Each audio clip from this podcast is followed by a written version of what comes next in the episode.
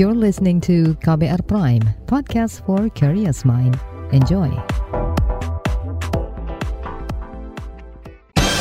Saatnya Anda dengarkan Ruang Publik KBR. Selamat pagi saudara, kita berjumpa kembali dalam Ruang Publik KBR. Dan tema pagi hari ini mewaspadai demam pada anak pasca lebaran. Setelah momen bahagia di masa lebaran usai, ada hal yang perlu diwaspadai orang tua – Pasca libur lebaran, anak cenderung mengalami demam. Penyebabnya beragam. Kelelahan akibat perjalanan mudik yang lama, perubahan pola makan dan ritme tubuh yang berubah saat liburan. Apa saja yang orang tua perlu ketahui soal demam pada anak pasca lebaran ini? Berikut akan kita simak penjelasan Dr. Anggraini Alam, spesialis anak, Ketua Unit Kerja Koordinasi UKK Infeksi Tropis Ikatan Dokter Anak Indonesia IDAI, dan orang tua yang mudik bersama keluarga, Reski Mesanto. Saudara kita buka perjumpaan kita di ruang publik pagi ini dengan menyimak penjelasan Dr. Anggraini Alam, spesialis anak, yang juga Ketua Unit Kerja Koordinasi Infeksi Tropis IDAI. Kalau yang namanya mudik, sebetulnya nggak cuma pasca lebaran. Lebaran ini dipakai semua libur. Setelah dua tahun lebih kita tidak bisa ke mana-mana, baik dalam negeri bahkan luar negeri. Eh, karena itu, kalau di bidang infeksi ada istilah travel medicine.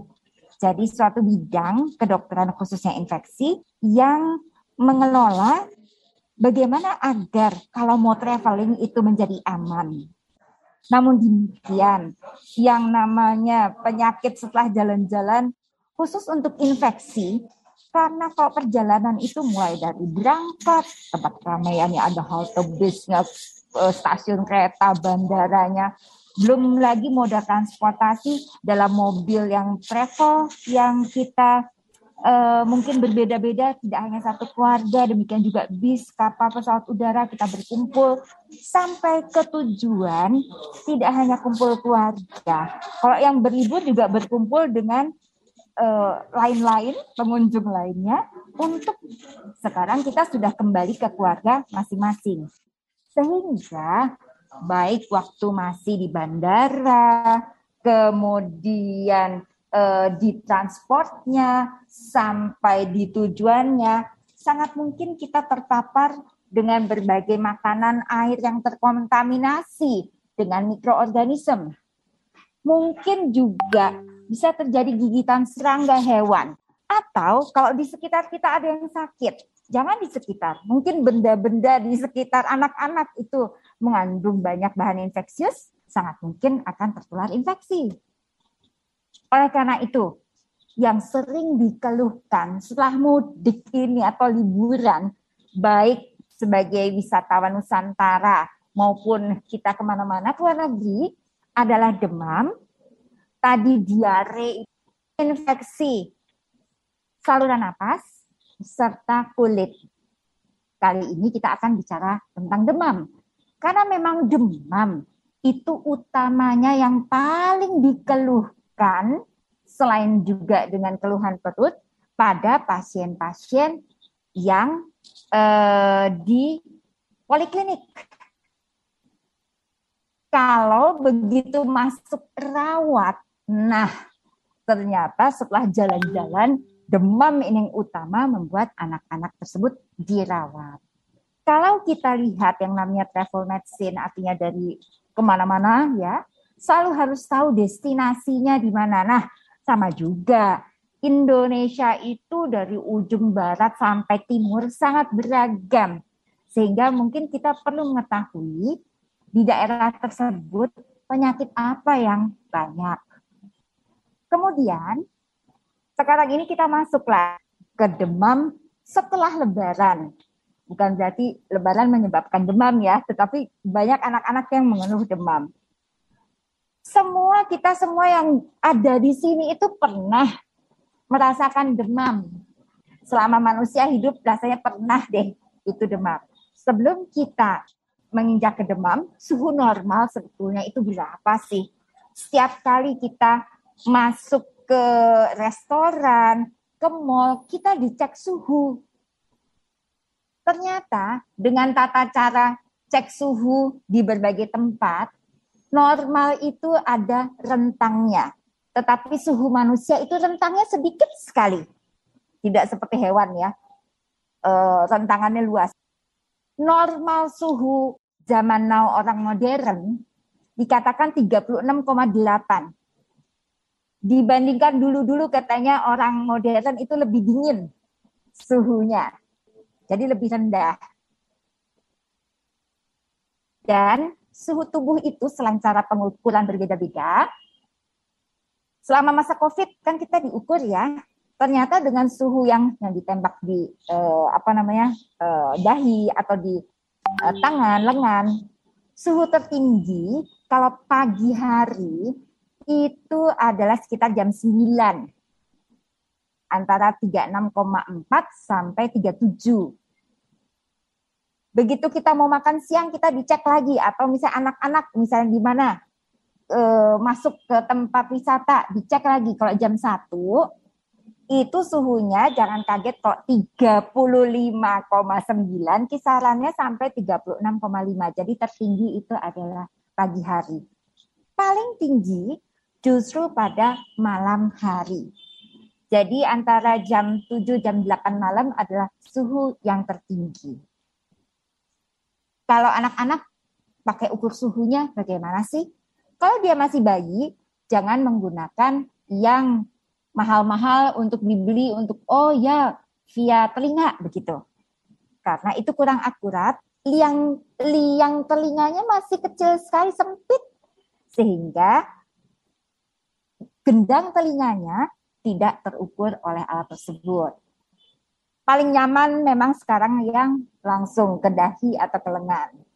Namun dikatakan apabila ibu si anak tadi meraba bahwa oh anak saya ini demam begitu ya raba dahi atau raba badannya, maka kemungkinan dia ini betul demam Eh, kemungkinan demam adalah sekitar 84 persen.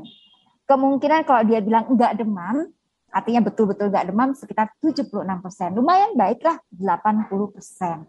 Tetapi tentunya ibunya jangan dulu habis cuci tangan atau habis wudhu sehingga memengaruhi juga suhu tubuh tangan atau suhu tangan ibunya.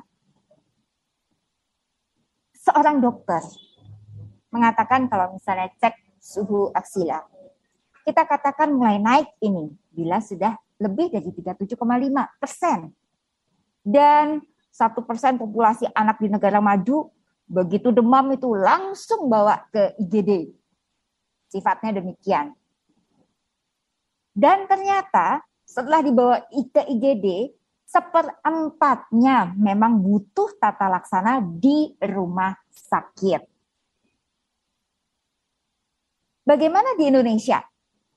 Kalau ada suatu demam, kira-kira penyebabnya apa ya? Dapatlah, ini studinya cukup lama, sudah lima tahun. Dicari, ternyata memang di Indonesia itu penyebab demam, terutama kalau demamnya itu akut, kita katakan akut adalah tujuh hari dan ke bawah, itu adalah dengue. Kemudian juga tifus. Nah, tiket siataifi ini adalah bentuk dari tifus karena gigitan serangga. Kemudian influenza. Juga ada leptospira. Kemudian lagi-lagi gigitan nyamuk yaitu cinggungunya. Artinya apa? Kalau demam setelah lebaran, selain kita saat ini memang COVID berpikirannya, dengue itu jangan terlewatkan. Kalau ternyata demamnya seminggu nih, kok masih aja. Dan makannya dengan segala macam dimakan. Ingat, tifus atau paratifus.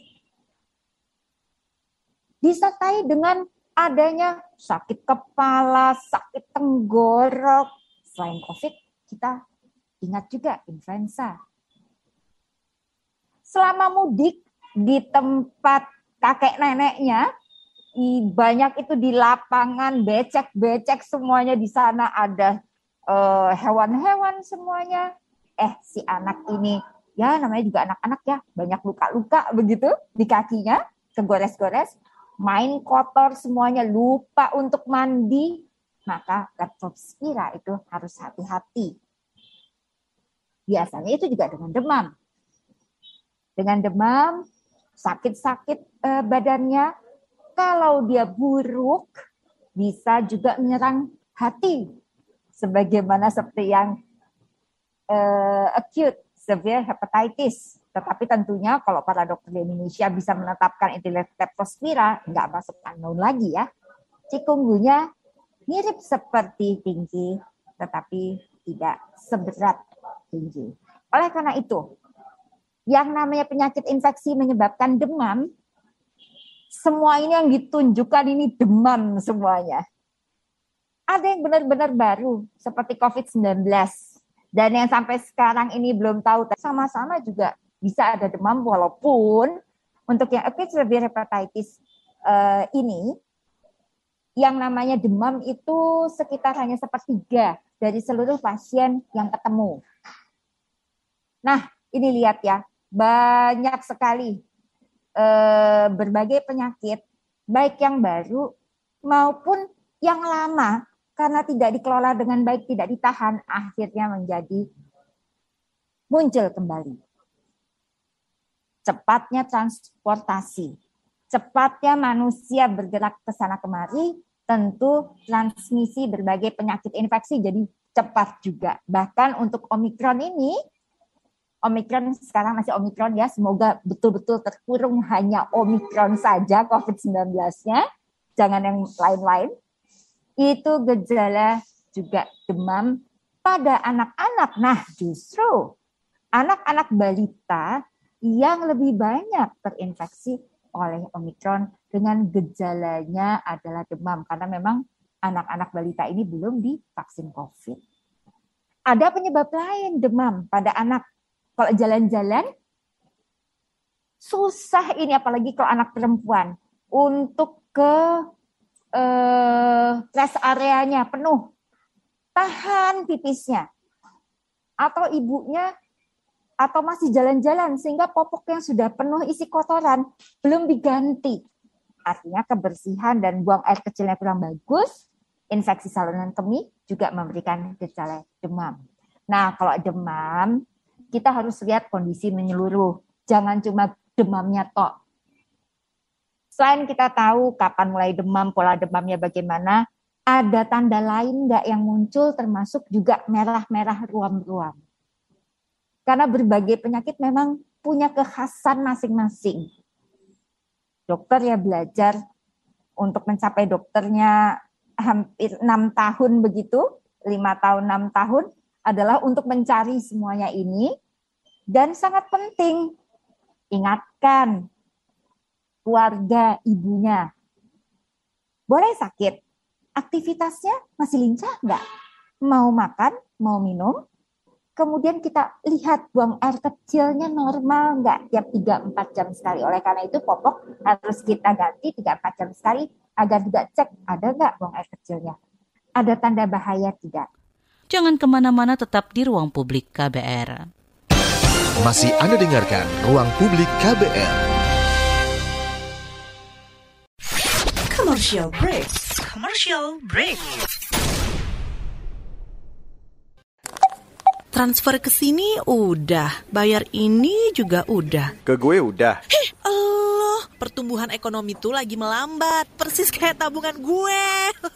Betul banget. Harus matang ngelola keuangan. Pengennya tuh investasi sesuatu gitu ya. Apa gitu yang cocok dan menguntungkan? Hmm, coba dengerin uang bicara deh. Gue belakangan lagi dengerin podcast itu di KBR Prime. Reksadana yang tadinya 500 juta udah turun dari 250 juta sekarang 10 ribu. Sama kita ngopi, mahalan mana? Ketika itu ada keputusan yang kayak begitu, investor harus tahu gitu, oh ada keputusan ini berarti implikasinya apa? Orang mungkin perluas literasi kamu lewat podcast Uang Bicara Uang Bicara menavigasi kamu dengan menghadirkan bahasan-bahasan seru dan populer mulai dari investasi sampai kebijakan.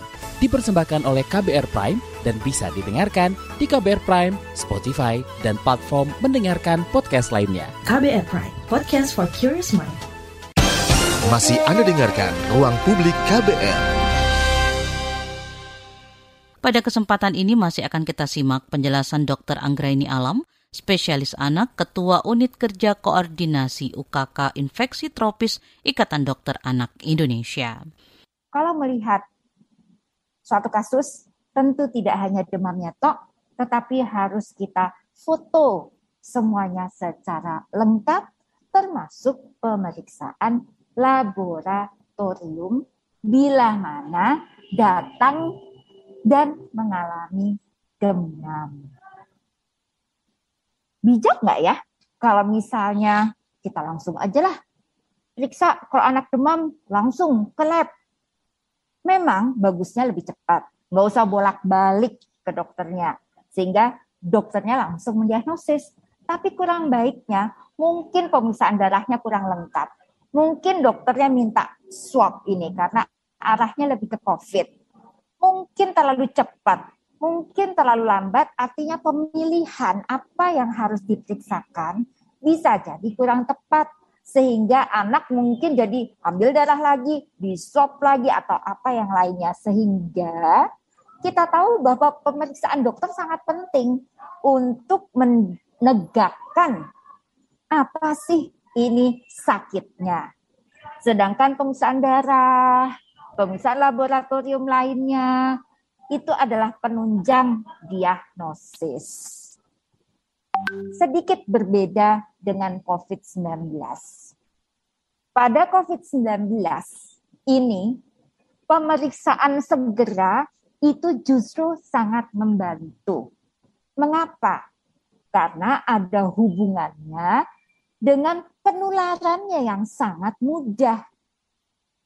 Dengan mengetahui cepat maka bisa dilakukan isolasi segera. Apalagi kita tahu bahwa pada anak insya Allah dia tidak berat. Memang ada yang berat ya, tetapi sebagian besar adalah tidak berat.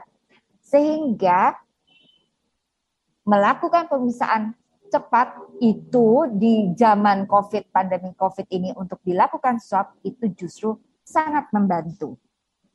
Jadi berbeda dengan penyakit lainnya itu utamanya diperiksakan dulu. Tetapi kalau COVID ada unsur agar kita cepat tidak menyebarkan ke mana-mana, cek sehingga bisa langsung isolasi. Bagaimana kalau demam? Diobatinya seperti apa? Sebenarnya demam adalah reaksi tubuh normal untuk melawan kuman.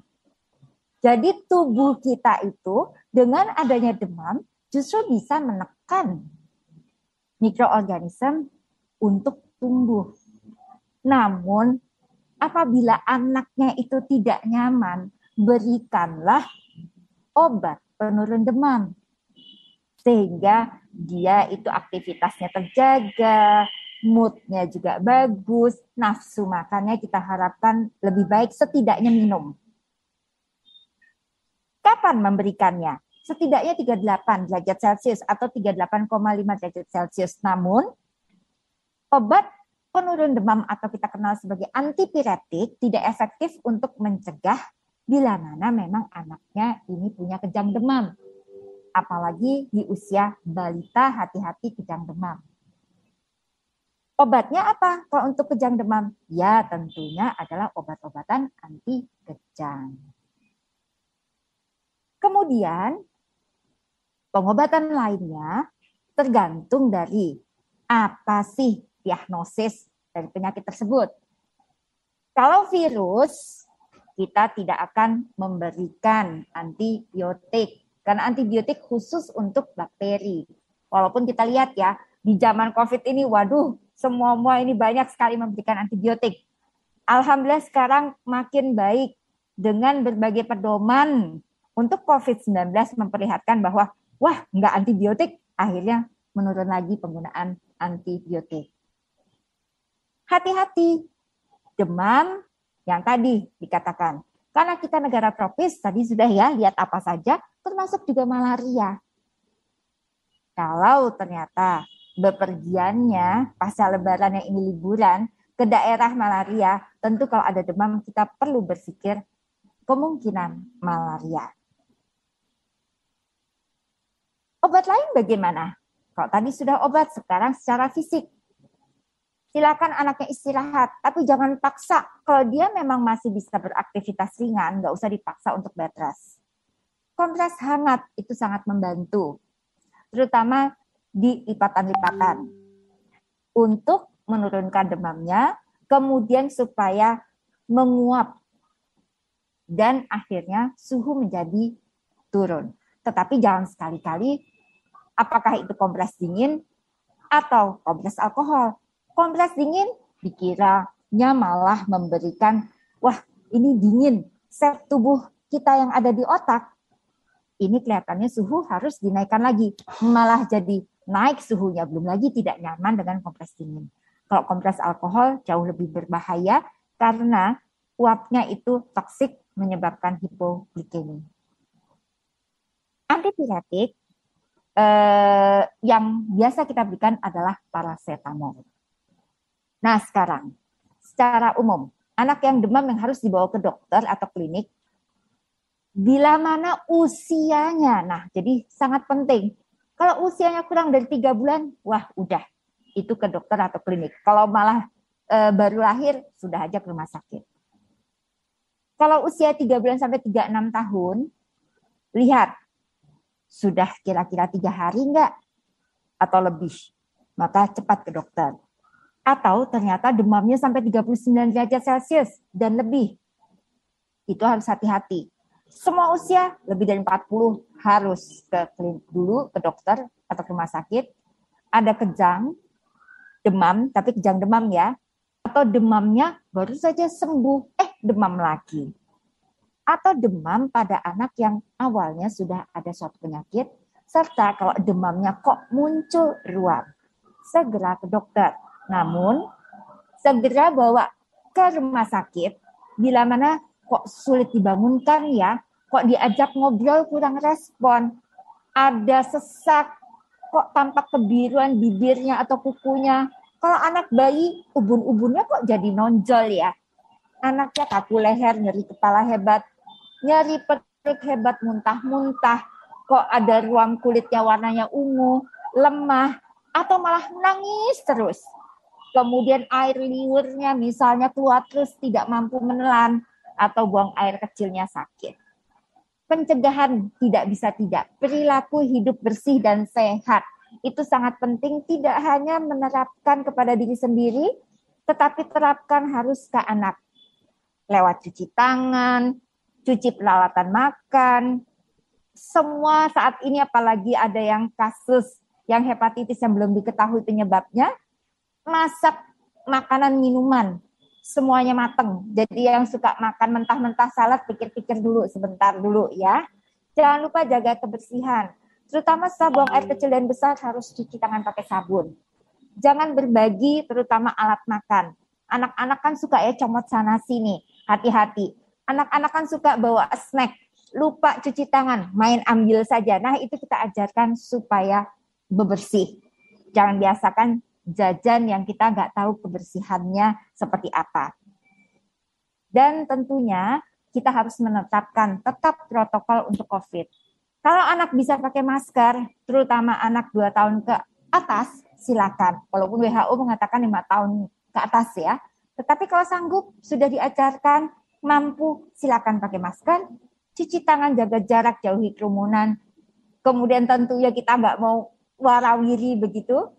Untuk anak-anak usia memang balita belum ada vaksinasinya, tetapi diharapkan 6 tahun ke atas semua sudah divaksinasi. Lakukan tegakkan protokol kesehatan serta PHBS ini secara disiplin dan rutin. Dan sekarang vaksinasi. Vaksinasi pemberian imunisasi tetap penting walaupun air sudah bersih, ada pengobatan antibiotik, Untuk yang sakit tetap saja ternyata yang mampu menurunkan angka kesakitan dan kematian manusia ini adalah pemberian vaksin. Oleh karena itu, teman-teman semua ingatkan kepada masyarakat bahwa ini ada penyakit-penyakit yang bisa dicegah oleh imunisasi. IDAI sudah meluncurkan Little Ku, lengkapi imunisasi yang terlambat atau tidak lengkap untuk anak-anak. Dan nanti kita ada bulan imunisasi anak nasional. Mohon diingatkan kembali oleh media massa sehingga anak-anak kita kalau mau jalan-jalan nanti ya untuk apalagi liburan ini kalau misalnya ada yang terlupakan lengkapi dengan imunisasi dengan baik. Jadi setelah berlibur pasca lebaran ini, anak itu kontak dengan lingkungan orang lain, potensial terjadi infeksi dengan salah satu gejalanya adalah demam. Informasikan semuanya bila mana anak demam, datang ke klinik, ke dokter, kasih tahu riwayatnya seperti apa. Apa sekarang ada penyakit yang belum tahu lagi nih. Ada suatu uh, acute severe hepatitis of unknown origin. Sehingga para klinisi itu tahu dengan informasi demikian orang tua sambil juga kami bertanya pemeriksaan apa yang perlu dilakukan. Tentunya rambu-rambu kondisi apa agar anak segera ke rumah sakit. Selain demam tadi harus perlu diketahui oleh para orang tua. Sekali lagi, tentu kita tidak ingin anak-anak kita sakit, sehingga pencegahan melalui PHBS, menerapkan prokes, melengkapi imunisasinya, lebih baik daripada pengobatan. Jangan ke mana-mana tetap di ruang publik KBR. Masih Anda dengarkan Ruang Publik KBR. Terima kasih untuk Anda yang masih setia mendengarkan ruang publik dari KBR hari ini dengan tema Mewaspadai Demam pada Anak Pasca Lebaran. Dr. Anggraini Alam, spesialis anak Ketua Unit Kerja Koordinasi Infeksi Tropis Ikatan Dokter Anak Indonesia, masih akan menjelaskan soal demam pada anak pasca lebaran ini. Udara saat ini di beberapa daerah cukup tinggi. Apa yang harus diwaspadai? Dan penyakit atau gangguan apa yang rentan terjadi pada anak dalam kondisi saat ini dan bagaimana mengatasinya. Suhu udara yang cukup tinggi itu artinya kering. Kalau kering itu adalah biasanya untuk kebersihan airnya yang kita paling concern. Jadi lagi-lagi demam itu biasanya sangat bisa terjadi dan nanti hubungannya dengan perut yang namanya tifoid seperti itu eh, atau penyakit-penyakit perut itu biasanya terjadi utamanya kalau di daerah yang kering-kering begini. Kalau pada dengue seperti itu ya, atau misalnya malaria, itu justru tempatnya kok malaria rawa senangnya, kok dengue itu antara musim kemarau mau ke hujan atau hujan mau ke kering. Seperti sekarang ini sebetulnya di Pulau Jawa, hujan sebentar, kemudian panas, nah itu tinggi. Tapi kembali lagi, eh, suhu udara yang cukup tinggi, kita harus hati-hati. Kalau untuk anak-anak, terutama berlibur, mereka akan kehausan. Dengan haus, minum sembarangan. Lupa itu cuci tangan, pokoknya enak, kemasannya juga nggak jelas. Nah, begitu datang demam, para dokter ini atau ibu-ibu ini lihat berapa lama demamnya, ada keluhan tambahan lain atau tidak. Karena kita khawatir penyakit-penyakit infeksi seperti tifus seperti itu bisa terjadi. Apakah ada rekomendasi IDAI terbaru tentang meningkatnya kasus hepatitis akut misterius ini? Perlu ditanya, tetapi kan tidak salah. Eh, ada usulan ya dan dari kepolisian agar eh, PTM-nya itu bisa dimundur satu minggu. Betul demikian, Dokter Berni ya. Mudah-mudahan tidak salah. Sebetulnya itu adalah hal yang sangat baik bila mana diterapkan karena tanda kutip seperti melakukan karantina. Karantina eh, itu, tetapi bukan berarti dikasih seminggu libur itu malah jadi ke mall ke mana-mana. Mengurangi eh, mobilitas. Dengan mengurangi mobilitas, jadi dilihat selama beberapa hari di rumah itu sehat-sehat, sehingga pada saat PTM nanti eh, betul-betul anak yang sehat yang masuk. Jadi janganlah misalnya anaknya sedang demam, atau misalnya anaknya sedang ada suatu keluhan apa pun, oleh orang tua tetap dibawa ke sekolah, sayang kalau nggak sekolah, atau tetap dititipkan ke tempat penitipan anak seperti itu. Tentu itu akan potensial kalau ternyata ya ada suatu penyakit infeksi menularkan ke anak-anak yang lain dan juga bisa saja menularkan ke orang dewasa apa yang harus kita lakukan sebetulnya dari media massa ini? Tentu kita berharap bahwa menjadi anak yang disiplin, sudah diajarkan prokes di rumah oleh orang tuanya, bagaimana menjaga jarak, tidak pinjam-pinjaman alat alat apalagi alat makan seperti itu ya sendiri-sendiri Kemudian sekarang ditambah lagi yang ada hepatitis itu pola hidup bersih sehatnya makin-makin itu yang namanya cuci tangan. Artinya maskernya, kerumunannya, jaga jaraknya, iya. Cuci tangannya pasti, makanan harus bersih pasti. Jadi anak-anak kita mungkin nanti setelah lewat-lewat yang penyakit-penyakit ini menjadi anak yang super disiplin. Lebih disiplin daripada orang tuanya sekarang. Diharapkan demikian. Pasca lebaran dengan cuaca panas terik yang panjang, apakah minum minuman dingin bisa mempengaruhi kesehatan pencernaan anak-anak maupun orang dewasa? sebetulnya evidence based medicine-nya itu nggak ada ya bukti ilmiah kedokteran bahwa kalau minum es dingin itu uh, menyebabkan suatu infeksi saluran nafas. Kalaupun ada mungkin memang yang tertentu karena uh, mungkin ada uh, reaksi alergi. Ya kita menggunakan istilah dari berbagai penelitian tidak menunjukkan ujung-ujungnya demikian karena kalau sebagai dokter kan kita menggunakan suatu harus berbasis bukti semuanya. Nah, mungkin bisa diberikan tips dok, kira-kira kapan sih orang tua harus waspada kalau ternyata anaknya ini uh, eh, DBD dan apa yang harus dilakukan oleh orang tua? Jadi demamnya memang akan mendadak tinggi. Jadi dia dia nggak pakai ragu-ragu sehingga orang tua itu tahu betul oh anaknya itu demam pagi-pagi langsung tinggi karena tinggi biasanya mukanya itu flashing atau merah atau matanya anaknya kedip-kedip kayak yang pedes gitu matanya karena fotofobi. Walaupun itu lagi-lagi zaman sekarang itu agak sulit memastikannya. Oleh karena itu, jangan lupa di sekitaran itu banyak yang tinggi juga enggak? Kalau sekitaran banyak tinggi, pikirkan karena si nyamuk itu dia bisa 200 ke depan belakang meter kanan kiri begitu. Ya, pada tinggi Justru kehati-hatiannya itu di mana pada saat demam mulai turun. Di hari ketiga sampai tujuh itu bisa terjadi penurunan demam. Jadi denggi itu sekitar tujuh hari ya sakitnya.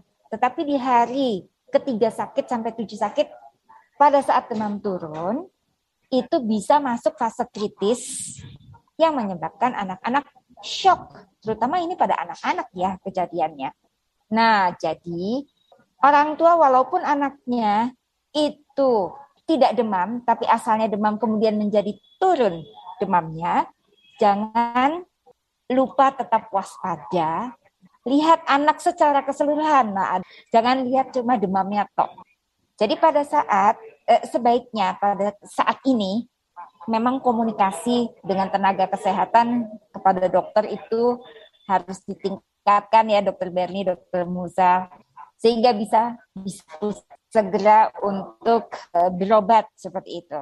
Untuk nanti ada pemeriksaan-pemeriksaan. Jadi kalau pemeriksaan-pemeriksaan mohon orang tua jangan ya kok diperiksa ini lagi? Kemarin baru ini kok periksa lagi?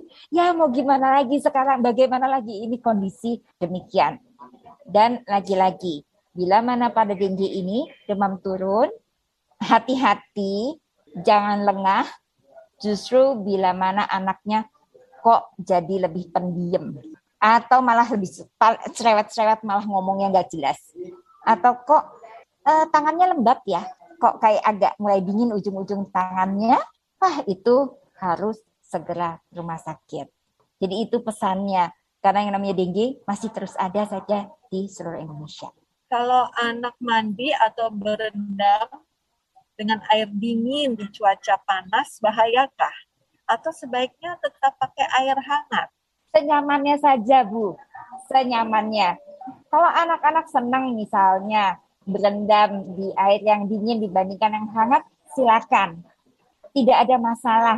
Selama anak itu fit, eh, silakan silakan saja. Malah membuat anak lebih gembira.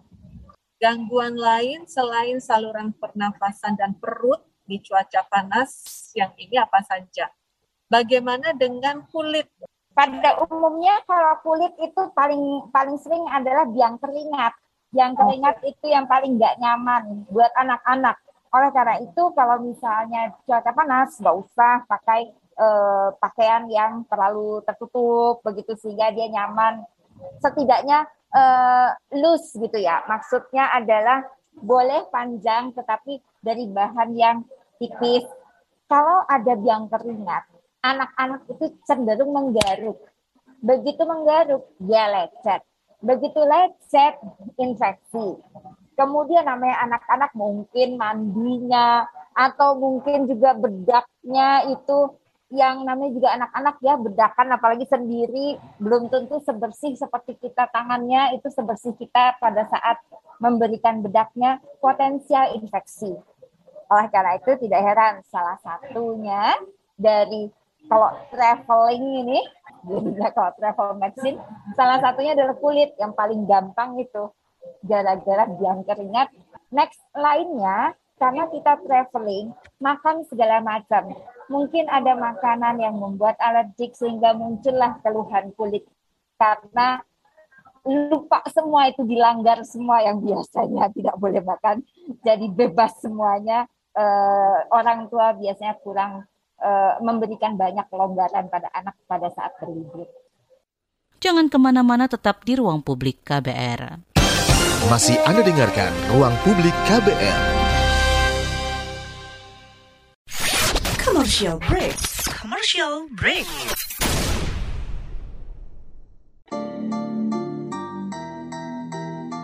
Come on yo. Buat yang sukanya berhoax, you better listen to this one. Check this one out yo. Hati-hati kalau baca kabar. Hoax. Jangan langsung disebar kabar yang Hoax. Kalau mau tahu kabar benar atau Hoax. Dengerin cek fakta yang pasti bukan Hoax. Dengerinnya setiap Senin yang jelas bukan Hoax. Cuma ada di kbrprime.id. Dan aplikasi podcast lainnya. Hoax. Sudah cukup-cukup hoaxnya? Hoax. Cukup. Jaga emosi, tahan jari, verifikasi sebelum dibagi.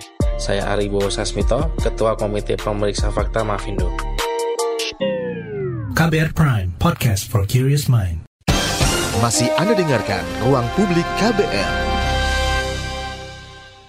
Di segmen ini akan kita simak cerita Reski Mesanto yang mudik bersama keluarga soal upaya menjaga kesehatan anak selama mudik. Ya, boleh diceritakan Pak Reski pengalaman mudiknya uh, ke kampung halaman uh, pada saat arus mudik 2022 yang kemarin, Pak. Oke, jadi uh, perjalanan itu pada saat berangkat saya memilih tanggal 27 malam jelang dini hari tanggal 28 itu perjalanan sebetulnya saya uh, pada saat berangkat saya tujuan Jogja. Itu kurang lebih dengan waktu tempuh dan istirahat kali istirahat itu kurang lebih mungkin setengah jam sampai satu jam itu pada saat berangkat itu saya tempuh kurang lebih sekitar 16 sampai 17 jam via tol Trans Jawa. Uh, saya berangkat sama istri dan tiga anak. Tapi tapi saya tidak jalan sendiri karena uh, ada beberapa ikut juga beberapa mobil keluarga lain kita konvoy. Nah, saat kembali apakah juga menempuh waktu sepanjang itu, Pak? Kalau untuk waktu kembali itu jauh lebih panjang ya. Saya berangkat itu sekitar jam uh, berangkat sekitar jam 6 sore dari Solo. Uh, berangkat jam 6 sore dari Solo itu saya sampai di Jakarta di rumah saya ya benar-benar sampai di rumah itu sekitar jam satu siang. Saya pulang itu tanggal 6 hari Jumat, Jumat Jumat jam 6. Seperti apa uh, apa namanya uh, kesulitan-kesulitan yang dihadapi terutama ketika harus mengakses uh, apa namanya rest uh, area dan tempat-tempat makan. Oke, sebetulnya uh, kebijakan yang dilakukan uh, Korlantas Polri dalam hal ini ya dengan sistem one way itu sudah cukup membantu, tapi memang uh, jumlah animo masyarakat yang mudik apalagi setelah dua tahun ditahan nggak boleh mudik itu sangat besar. Jadi dengan sistem one way aja itu saya harus menempuh perjalanan mungkin sekitar 20 jam lebih yang harus saya tempuh. Uh, ditambah itu digabung dengan waktu istirahat. Kendalanya mungkin yang harus dihadapi ya masalah apalagi saya ya membawa balita balita di usia di bawah 2 tahun itu yang nggak bisa kita misalnya bisa bilang eh jangan rewel ya itu kan nggak bisa kendalanya memang kita susah untuk mengakses rest area uh, mulai dari area-area yang ditutup dialihkan untuk ke rest area berikutnya. Di rest area berikutnya itu nanti penumpukan kendaraan ngantri itu bisa uh, ngantri untuk masuk rest area itu bisa satu jam. Kalaupun kita dapat rest area mungkin khususnya yang perempuan ya kan kalau perempuan mau buang air kecil atau bu buang air kecil lah khususnya itu kan harus ada akses uh, kamar mandi ya. Itu ngantri juga setengah jam sampai satu jam jadi saya mengakali waktu itu istri saya dan anak saya yang perempuan itu harus menggunakan pampers. Nah, menggunakan pampers pun nggak maksimal karena ya mau buang air kecil nggak terbiasa kan di pampers. Jadi ya memang mudah-mudahan itu di next mudik selanjutnya bisa menjadi evaluasi buat pemerintah. Belum lagi eh, minimarket, tempat makan itu antri semua. SPBU saya eh, kebetulan pada saat pulang saya harus mengisi SPBU dan itu saya harus antri kurang lebih satu jam untuk bisa mendapatkan eh, bahan bakar kesulitan seperti mengakses uh, toilet juga mungkin uh, tempat makan begitu ya Pak ya yang uh, tentunya uh, bersih begitu itu menjadi kendala ketika dalam perjalanan mudik ya Pak ya. Nah ini kan tentu rentan terhadap kondisi kesehatan anak-anak Pak Reski ya. Nah boleh diceritakan Pak bagaimana uh, antisipasi dari Bapak dan Ibu untuk uh, menjaga kesehatan anak selama dalam perjalanan menuju tempat uh, mudik dan ketika kembali Pak. Oke, jadi saya yang pertama karena saya sudah mengantisipasi perjalanan yang akan saya tempuh ini extraordinary atau luar biasa ya dari dari perjalanan uh, biasa-biasanya. Itu yang pasti pada saat sebelum berangkat saya sudah uh, ngambil uh, apa namanya pahitnya aja istilahnya gitu. Pahitnya ketika kalau kalau saya tidak bisa untuk mengakses rest area kalau kalau saya tidak kedapatan kuota untuk beli makanan atau antri jadi saya sebelum berangkat saya sudah uh, membekali untuk keluarga saya terutama untuk anak-anak misalnya makanan-makanan eh, siap makan. Pada saat sebelum berangkat saya ke drive thru makanan cepat saji saya beli untuk anak-anak bisa mengkonsumsi kalaupun saya tidak bisa mengakses rest area. Yang kedua vitamin. Vitamin itu eh, beberapa hari sebelum perjalanan sudah saya mulai feeding ke anak-anak untuk apa namanya eh, anak-anak supaya daya tahan tubuhnya meningkat. Dan saya secara moral istri saya juga sudah lalu pesan ke anak-anak bahwa kita akan menempuh perjalanan yang luar biasa panjangnya jadi memang harus secara psikologi anak-anak sudah mempersiapkan. Jadi tidak ada pertanyaan-pertanyaan yang uh, udah sampai atau belum, udah sampai atau belum. Alhamdulillah anak-anak saya nggak ada pertanyaan udah sampai atau belum karena mereka sudah tahu dengan kondisi yang akan kita hadapi. Yang kedua ya memang uh, untuk kesehatan uh, khususnya perempuan ya itu saya juga makanya salah satu caranya saya bilang ke istri dan anak saya perempuan untuk menggunakan pampers karena susah untuk mendapat uh, mendapatkan kamar mandi. Itu yang pertama mbak. Yang kedua kalaupun dapat sekali lagi ngantri. Dan yang kedua kotor mbak. Karena banyak banget yang make kan. Sedangkan petugas kebersihan juga terbatas.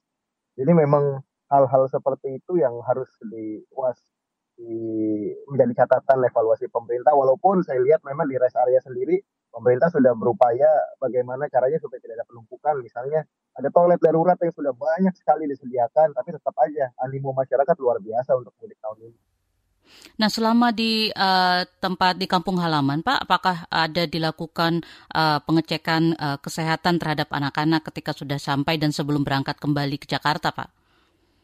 Uh, pengecekan uh, me me secara medical check up secara keseluruhan sih enggak. Saya hanya begitu sampai sebelum saya mendatangi kediaman rumah orang tua.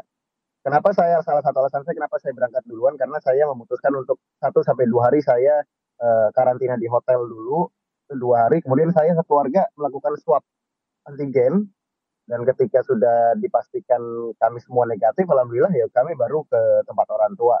Begitupun sebelum pulang sebelum pulang kami juga sebelum perjalanan kami melakukan swab antigen begitu sampai di tempat tujuan. Hari ini ya saya juga melakukan swab PCR seluruh keluarga. Sejauh ini alhamdulillah negatif tinggal menunggu hasilnya aja besok untuk. Tapi secara umum kondisi kesehatan anak-anak juga bapak dan ibu juga eh, baik-baik uh, ya, tidak ada dirasa demam atau kenaikan suhu tubuh begitu ya?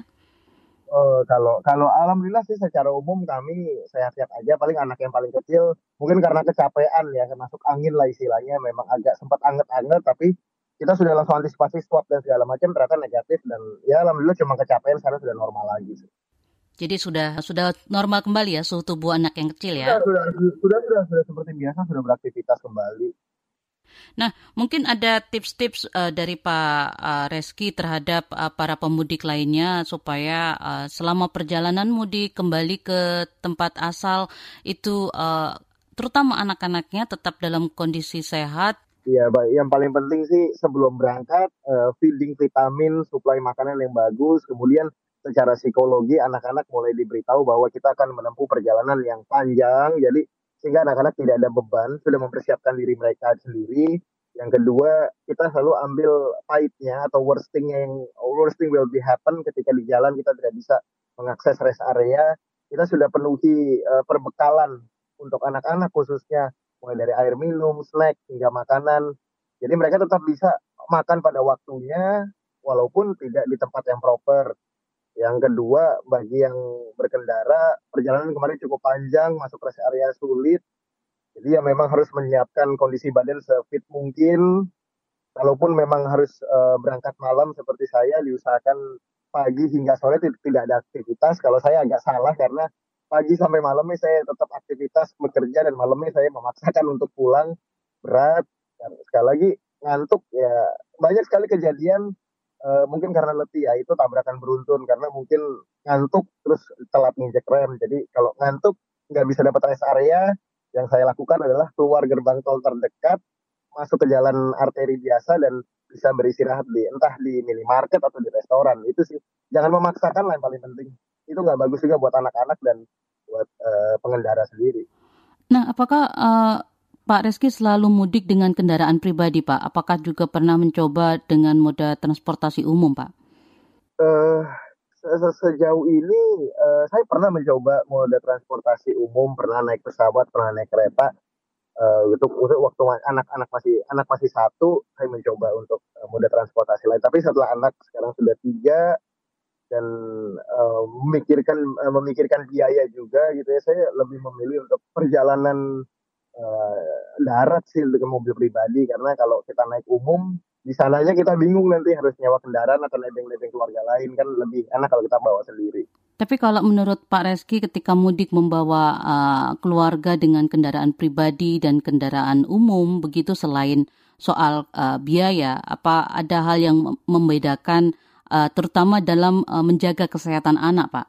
Kalau di tengah pandemi lebih aman kita menggunakan kendaraan pribadi. Karena eh, kita eh, ya kita kita bicara belak belakan untuk kendaraan khususnya bus lah ya. Misalnya naik bus eh, belum ada aturan pakem yang resmi seperti layaknya kita naik pesawat yang penumpang harus swab gitu.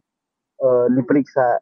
Ya kita kan nggak tahu kondisi kesehatan penumpang penumpang lain. Apalagi kalau kita bawa anak kecil yang notabene balita yang susah pakai masker itu kan sangat riskan kalau ketika kita berkumpul dengan orang banyak Demikian ruang publik KBR pagi ini dengan tema mewaspadai demam pada anak pasca lebaran. Terima kasih untuk kebersamaan Anda di pagi ini. Saya Fitri Anggreni undur diri. Salam. Baru saja Anda dengarkan Ruang Publik KBR. KBR Prime, cara asik mendengar berita. KBR Prime, podcast for curious mind.